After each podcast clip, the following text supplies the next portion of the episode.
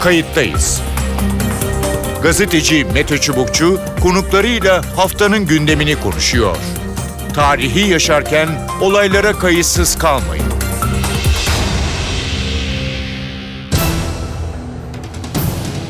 İyi günler bir kayıttayız programıyla daha karşınızdayız. Tarihe ışık tutmak ve olan biteni anlamak için önümüzdeki dakikalarda sizlerle birlikte olacağız. Ben Mete Çubukçu, editörümüz Sevan Kazancı. Kayıttayız da bu hafta İdlib'i konuşacağız. Tahran zirvesinin ardından dünyanın gözü İdlib'e kapsamlı bir operasyon yapılıp yapılmayacağına çevrildi. Türkiye'nin bu konudaki tavrı net. Ankara olası bir harekatın bölgede derin bir insani krize yol açacağını, bunun başta Türkiye olmak üzere birçok Avrupa ülkesini etkileyeceğini söylüyor. Rusya, İran ve Suriye yönetimi operasyon yapılması konusunda hemfikir. Cumhurbaşkanı Erdoğan Rusya Devlet Başkanı Putin'le yeniden görüşecek. İki lider bir araya gelecek. Cumhurbaşkanı Erdoğan operasyonun yaratacağı problemlere dikkat çekecek. Ayrıca Türkiye, Rusya, Almanya, Fransa temsilcileri de İstanbul'da bir araya geldi. İdlib için neler yapılabileceği görüşüldü. Kayıttayız da bu hafta bütün dünyanın gözünü çevirdiği olası İdlib operasyonunu ve Türkiye etkisini konuşacağız. İki konuğumuz olacak. Telefon attığımızda Serkan Demirtaş var. Serkan Demirtaş, Hürriyet Daily News Ankara temsilcisi. Hoş geldiniz kayıttayız'a. Hoş bulduk. İyi yayınlar dilerim. Teşekkür ederim. Son dönemin en önemli konusu İdlib meselesi ki e, daha yeni başlıyor e, diyebiliriz. Önümüzdeki dönemde de gündemi e, bayağı kaplayacak gibi görünüyor. İlk şunu sormak istiyorum. Ne dersiniz?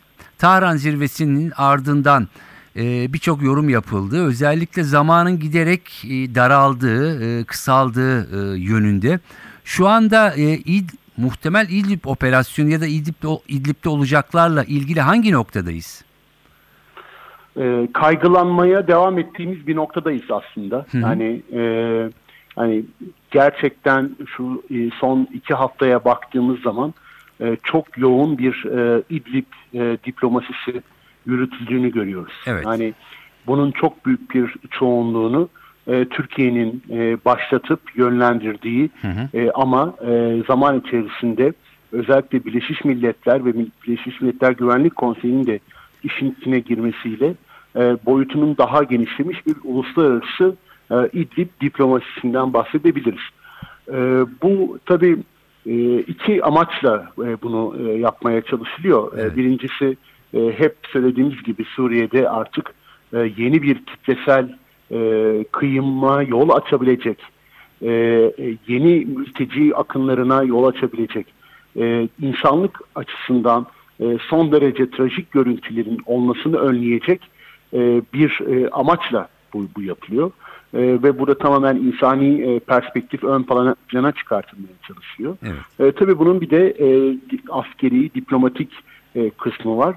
E, şu artık net bir şekilde görülüyor. Eğer gerçekten e, Esad yönetimi e, bugün İdlib'de planladığı şekliyle hani hem e, teröristleri vurmak bahanesiyle hani bütün o bölgeye girip e, ılımlı muhalefeti de hedef e, alıp e, o bölgede diğer e, bölgelerde yaptığı gibi bir zafer ilan etmeye kalkışırsa e, bu e, bundan sonra ne Cenevre sürecinin e, etkin bir şekilde işlemesi ne Astana sürecinin etkin bir şekilde işlemesi gibi hani diplomatik o mekanizmaları da ortadan kaldıracak bir sonuç yaratacak.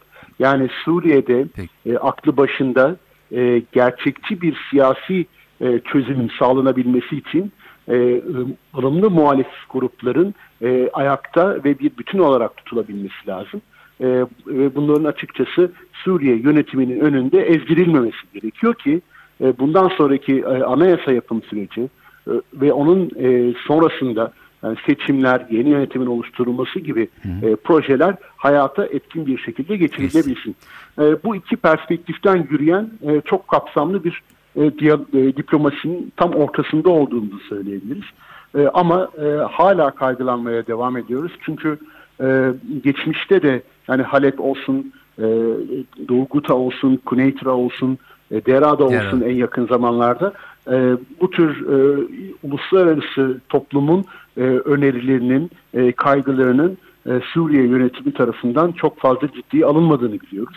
Dolayısıyla hani diplomasi bir taraftan gidiyor ama e, yüzde yüz e, bu operasyon önlendi, önlenecek e, demekten de e, aynı şekilde hala uzaktayız. Peki e, şunu soracağım. E, Cumhurbaşkanı Erdoğan'la Rusya lideri Putin de e, buluşacak. E, belli ki e, bir yol alınmaya ya da bir yol bulunmaya çalışılıyor. Kısaca şunu rica edeceğim.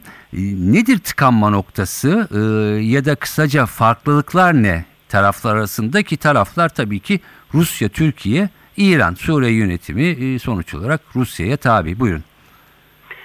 Ee, Şimdi bu tabii e, Tahran zirvesinde açıkçası tabii canlı yayında izledik. Yani fikir farklılıklarının, görüş alışverişlerinin yapıldığı o ortamda nasıl aslında e, tarafların farklı düşündüğünü e, açık bir şekilde izleme şansı bulduk.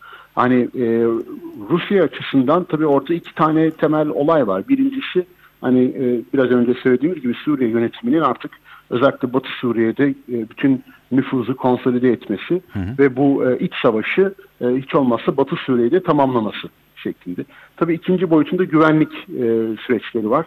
Hani Rusya'nın bölgedeki askeri güçleri, üsleri, onların güvenliği hem de o bölgedeki bu teröristlerin ileride yeniden Rusya'ya dönmeleri gibi bir o, o, o bir olasılığın önüne geçmeye çalışıyor. Hani e, Türkiye'nin amacı da yani teröristlerle ilgili herhangi bir süreç olacaksa e, bunun birlikte planlanması. Hani e, Astana sürecindeki e, garantörlerin zaten yani en önemli amacı e, bu bölgedeki çatışmasızlığı sağlamaktı. Yani çatışmasızlık derken tabii rejimle e, muhalif güçler arasındaki çatışmasızlıktan Evet. bahsediyoruz. Yani terörle mücadele devam edecek. Bunu yapalım. Ama yani teröristleri sivillerden ve yani bu bahsettiğimiz olumlu muhalif gruplardan ayırmazsak e, bu, bu sefer bizim buradaki garantörlük rolümüz de sulandırılır ve e, artık e, gereği kalmaz noktasını söylüyor. E, hatırlayalım yani Ağustos ayı sonunda hani e, yaklaşık 5 gün Ankara'da e, Türkiye Rusya e, çalışma grubu toplandı. Toplandı. Yani bunlar hem e, diplomatlar hem istihbarat hem askeri gruplar. Yani harita üzerinde haritayı açarak hangi bölgelerde kimler yer alıyor? Hani bunların birbirinden ayrılması mümkün olabilir mi?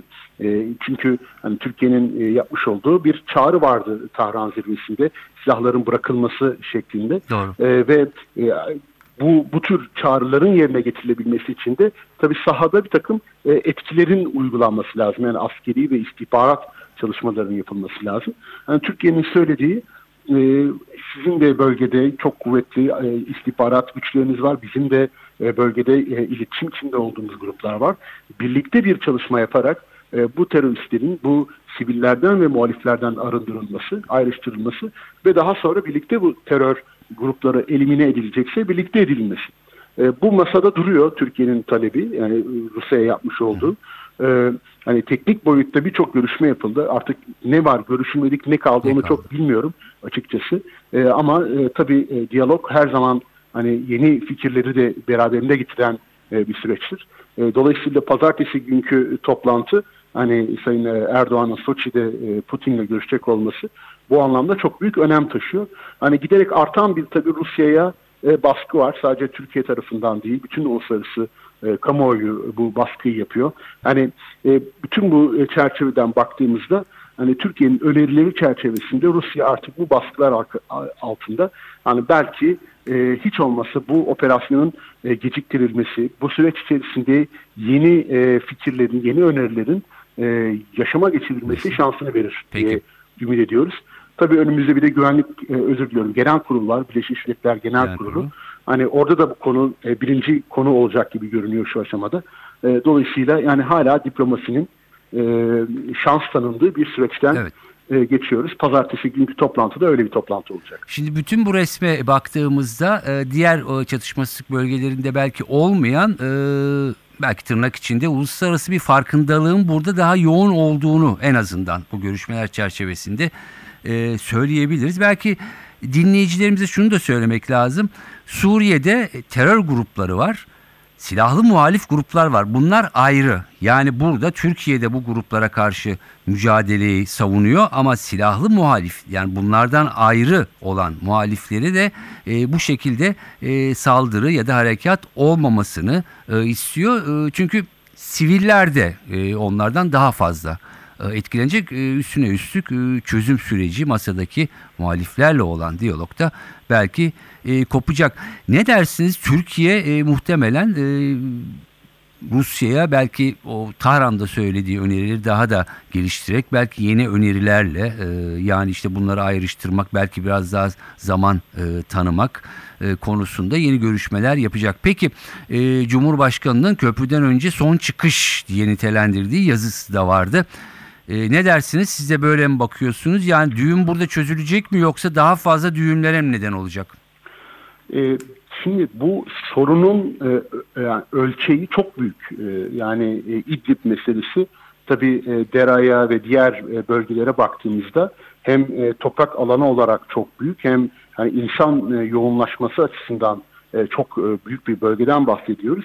Çünkü hatırlayalım yani e, Halep olsun, e, Doğu Guta olsun, Kuneytre olsun o bölgelerdeki çatışma süreçlerinde e, yapılan anlaşmalar neticesinde o bölgelerdeki hem bazı terörist unsurlar hem bazı muhalif gruplar e, açılan koridorlar, kanallar aracılığıyla hepsi birden e, İdlib'e toplandı. Yani e, şu ana kadar verilen yani iç savaş e, çerçevesinde yapılan mücadelenin belki e, 3-5 katı e, ölçeğinde bir e, e, durumla karşı karşıyayız. Hem hani sayısal olarak e, terörist sayısı çünkü bazı rakamlar 15 bin diyor bazısı bunu çok daha yüksek Yukarı, söylüyor. doğru. Bölgedeki sivil insan sayısı 3,5 milyon e, gibi bir rakamdan bahsediliyor. Bunun çok büyük bir çoğunluğu çocuklar ve kadınlar. Yani e, buradaki e, sıkıntının e, ölçü e, yani ölçeği çok e, yüksek bir büyük bir noktada ve e, doğal olarak e, burada yapılabilecek bir e, özensiz yani sivili teröristten ayırmayan bir saldırının e, çok büyük e, kitlesel hani e, kıyımlara yol açabileceği kaygısı olduğu için bence bu kadar büyük bir noktaya Evet. geldi. Tabii burada bir de yani Türkiye'nin de yani bu konuda e, özellikle hakkını e, teslim etmek lazım. Son yani 3 haftadır İdlib meselesini hemen hemen her e, ortamda, her uluslararası platformda hem ikili toplantılarda e, gündeme getirerek bir farkındalık ve bunun e, özellikle Batı başkentlerinde iyi anlaşılmasını Evet. e, sağladı diye e, söylemek lazım. Hani e, bu hafta içerisinde dahi yani Sayın Dışişleri Bakanı'nın hem Avrupa Birliği'nin önde gelen ülkeleri Almanya, Fransa, e, Amerika Birleşik Devletleri Dışişleri Bakanı hani onlarla görüştüklerini biliyoruz. Yine e, tabii New York'a dönük hazırlıklar var. Örneğin yani e, Avrupa Birliği ve Türkiye'nin e, düzenleyeceği bir e, Suriye toplantısı olacak ki orada yani en önemli konu İdlib olacak yine e, New York'taki toplantılar marjında. Dolayısıyla burada e, bu farkındalığın bu noktaya gelmesinde e, Türkiye'nin evet. yani e, kampanyasının çok büyük bir etkisi olduğunu söyleyebiliriz. Peki. Tabii Türkiye bu konuyla ilgili hani en çok e, zarar gören ülke. Yani Suriye'nin kendisinden sonra yani e, ha- 3,5 milyon e, mülteci barındırıyoruz. E, çok önemli güvenlik riskleriyle karşı karşıyayız. Yani e, yıllar içerisinde hatırlayalım Suriye'den kaynaklanan birçok e, güvenlik kaygısı e, te- tehdidini yaşadık. E, şehitler verdik. E, şu anda Afrin, e, Elbap bölgesinde askerlerimiz var. İdlib'in içinde var. askerlerimiz var. Dolayısıyla Türkiye hani e, bu kaygılarını yüksek sesle seslendirerek tabii hem kendi çıkarlarını koruma yolunda Evet. adım attı hem de uluslararası bir farkındalık yaratma e, çabasını e, gerçekleştirmiş gibi görünüyor. E, bu büyük bir ölçekteki bir sorunu tabii Türkiye'nin tek başına Kaldırması. e, çözmesi veya hani tek başına Rusya'ya baskı uygulayarak e, sağlaması pek mümkün görünmüyordu. O yüzden hani bu uluslararası e, baskının e, ben e, çok önemli olduğunu düşünüyorum. E, u- umut ediyoruz ki e, aklı selim e, sonunda galip çıkar ve yani diyalogla e, siyasi yollarla bu İdlib meselesinde bir adım Hadi, atılır. Peki. Ee, çok teşekkür ediyorum Serkan Demirtaş görüşlerinizi e, bizle paylaştığınız için. Serkan Demirtaş Hürriyet Daily News Ankara temsilcisiydi. Kayıttayız'ın konuğu Cenk Başlamış. Cenk Başlamış Medya Günlüğü internet sitesinin yöneticisi Ee, ama e, bizim konumuzun olmasının asıl e, nedeni e, Cenk Başlamış'ın Türkiye'deki e, sayılı e, Rusya uzmanlarından e, birisi olması. Yıllarca orada gazetecilik yaptı, yorumculuk e, yaptı. Cenk Başlamış hoş geldiniz programımıza. Hoş bulduk, teşekkür ederim. Ee, İdlib'i konuşuyoruz. Ee, İdlib deyince 3 ana aktör Türkiye, Rusya, İran söz konusu ama özellikle Rusya ile Türkiye'nin elinde sanki bu işin anahtarı. Ne dersiniz? Ee, İdlib'de Rusya ile Türkiye arasında e, bazı görüş farklılıkları e, söz konusu. E, bunlar halledilebilecek mi, çözülebilecek mi? E, kimileri ipler kopabilir, kimileri kopmaz e, diyor. Öncelikle İdlib konusundaki e, çok kısa olarak iki ülkenin e, görüş farklılığı ya da ortaklaştığı noktalar alabilir miyiz? Yani önce görüş farklılığından başlayacak olursak e, İdlib işte muhaliflerin e, elinde kalan son kale durumunda. Esad yönetimi e, ve Rusya e, burayı da ele geçirerek e, savaştaki zaferlerini bir anlamda taşlandırmak e, istiyorlar. Evet. E, görüş ayrılıklarında bu o, sorunun yani İdlib sorununun nasıl çözüleceği e, geliyor. E, Rusya e, kapsamlı bir operasyonla, Esad da aynı şekilde kapsamlı bir operasyonla oradaki rejim muhaliflerinin, terörist olarak nitelediği rejim muhaliflerinin e, tırnak içinde temizlen bir an önce temizlenmesi gerektiğini söylüyor. E, Türkiye teröristlerin ortadan kaldırılması veya uzaklaştırılması konusunda benzer görüşler taşımakla birlikte bir takım çekinceleri var.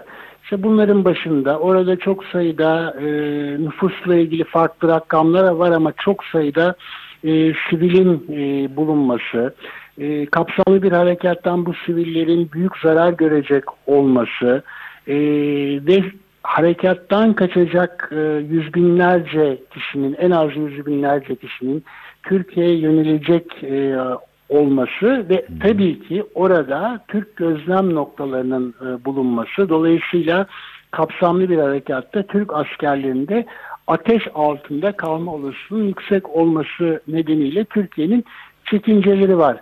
E, dolayısıyla belki e, İdlib'deki teröristlerin çıkarılması gerektiği konusunda bir anlayış birliği var ama bunun yöntem, Yöntem. E, farklılığı var. Peki. Ee, siz çok yakından e, izlediniz, izliyorsunuz. Ee, Rusya e, malum önümüzdeki günlerde e, Cumhurbaşkanı Erdoğan'la Putin de e, yeniden bir araya e, gelecek. Yani bildiğiniz, tanıdığınız Rusya nasıl bir e, tavır alır? E, bir şekilde e, Suriye alanında e, iki ülkenin birbirine ihtiyacı olduğu da çok net olarak ortada. Şimdi eğer İdlib'deki operasyonda Rusya ve Suriye tek başına olsaydı yani Türkiye faktörü olmasaydı e, Rus ordusunun geçmişteki hareketlerine özellikle Çeçen Savaşı'ndaki hareketlerine e, baktığımızda e, orada e, kapsamlı bir operasyonun kesinlikle yapılacağını söyleyebilirdim. Çünkü Rus ordusunun geleneğinde bu var. Yani yakıp yıkmak, yerle bir etmek, tırnak içindeki düşman alanı bölgeyi ele geçirmek konusunda e, Rusya'nın tavrı bu, bu olurdu. Fakat ortada bir Türkiye faktörü var ve e, uzun zamandır Türkiye, Rusya, İran'ın da katılımıyla birlikte e, Suriye'de ortak e, hareket ediyor. Şimdi son günlerde e, bir perde arkasında bir diplomasi yürütülüyor. Bir de kamuoyunun önünde Evet. medya aracılığıyla e, yapılan bir e, açık bir diplomasi ya da karşılıklı mesajların gidip gelmesi var. Bu mesajlara baktığımızda şunu görüyoruz. Bundan e, üç gün önce Rusya Dışişleri Bakan Yardımcısı'nın açıklaması vardı. Evet biz Türkiye ile her konuda anlaşmıyoruz, anlaşamıyoruz e, Suriye'de ama ortak bir e, payda bulmaya çalışıyoruz. Hemen arkasından e, Putin'in e, özel temsil- temsilcisi Lavrentiyev'in bir açıklaması oldu. O da e, İdlib'deki e, terörist unsurların ayrıştırılması e, görevinin sorumluluğunun Türkiye'ye ait olduğunu söyledi.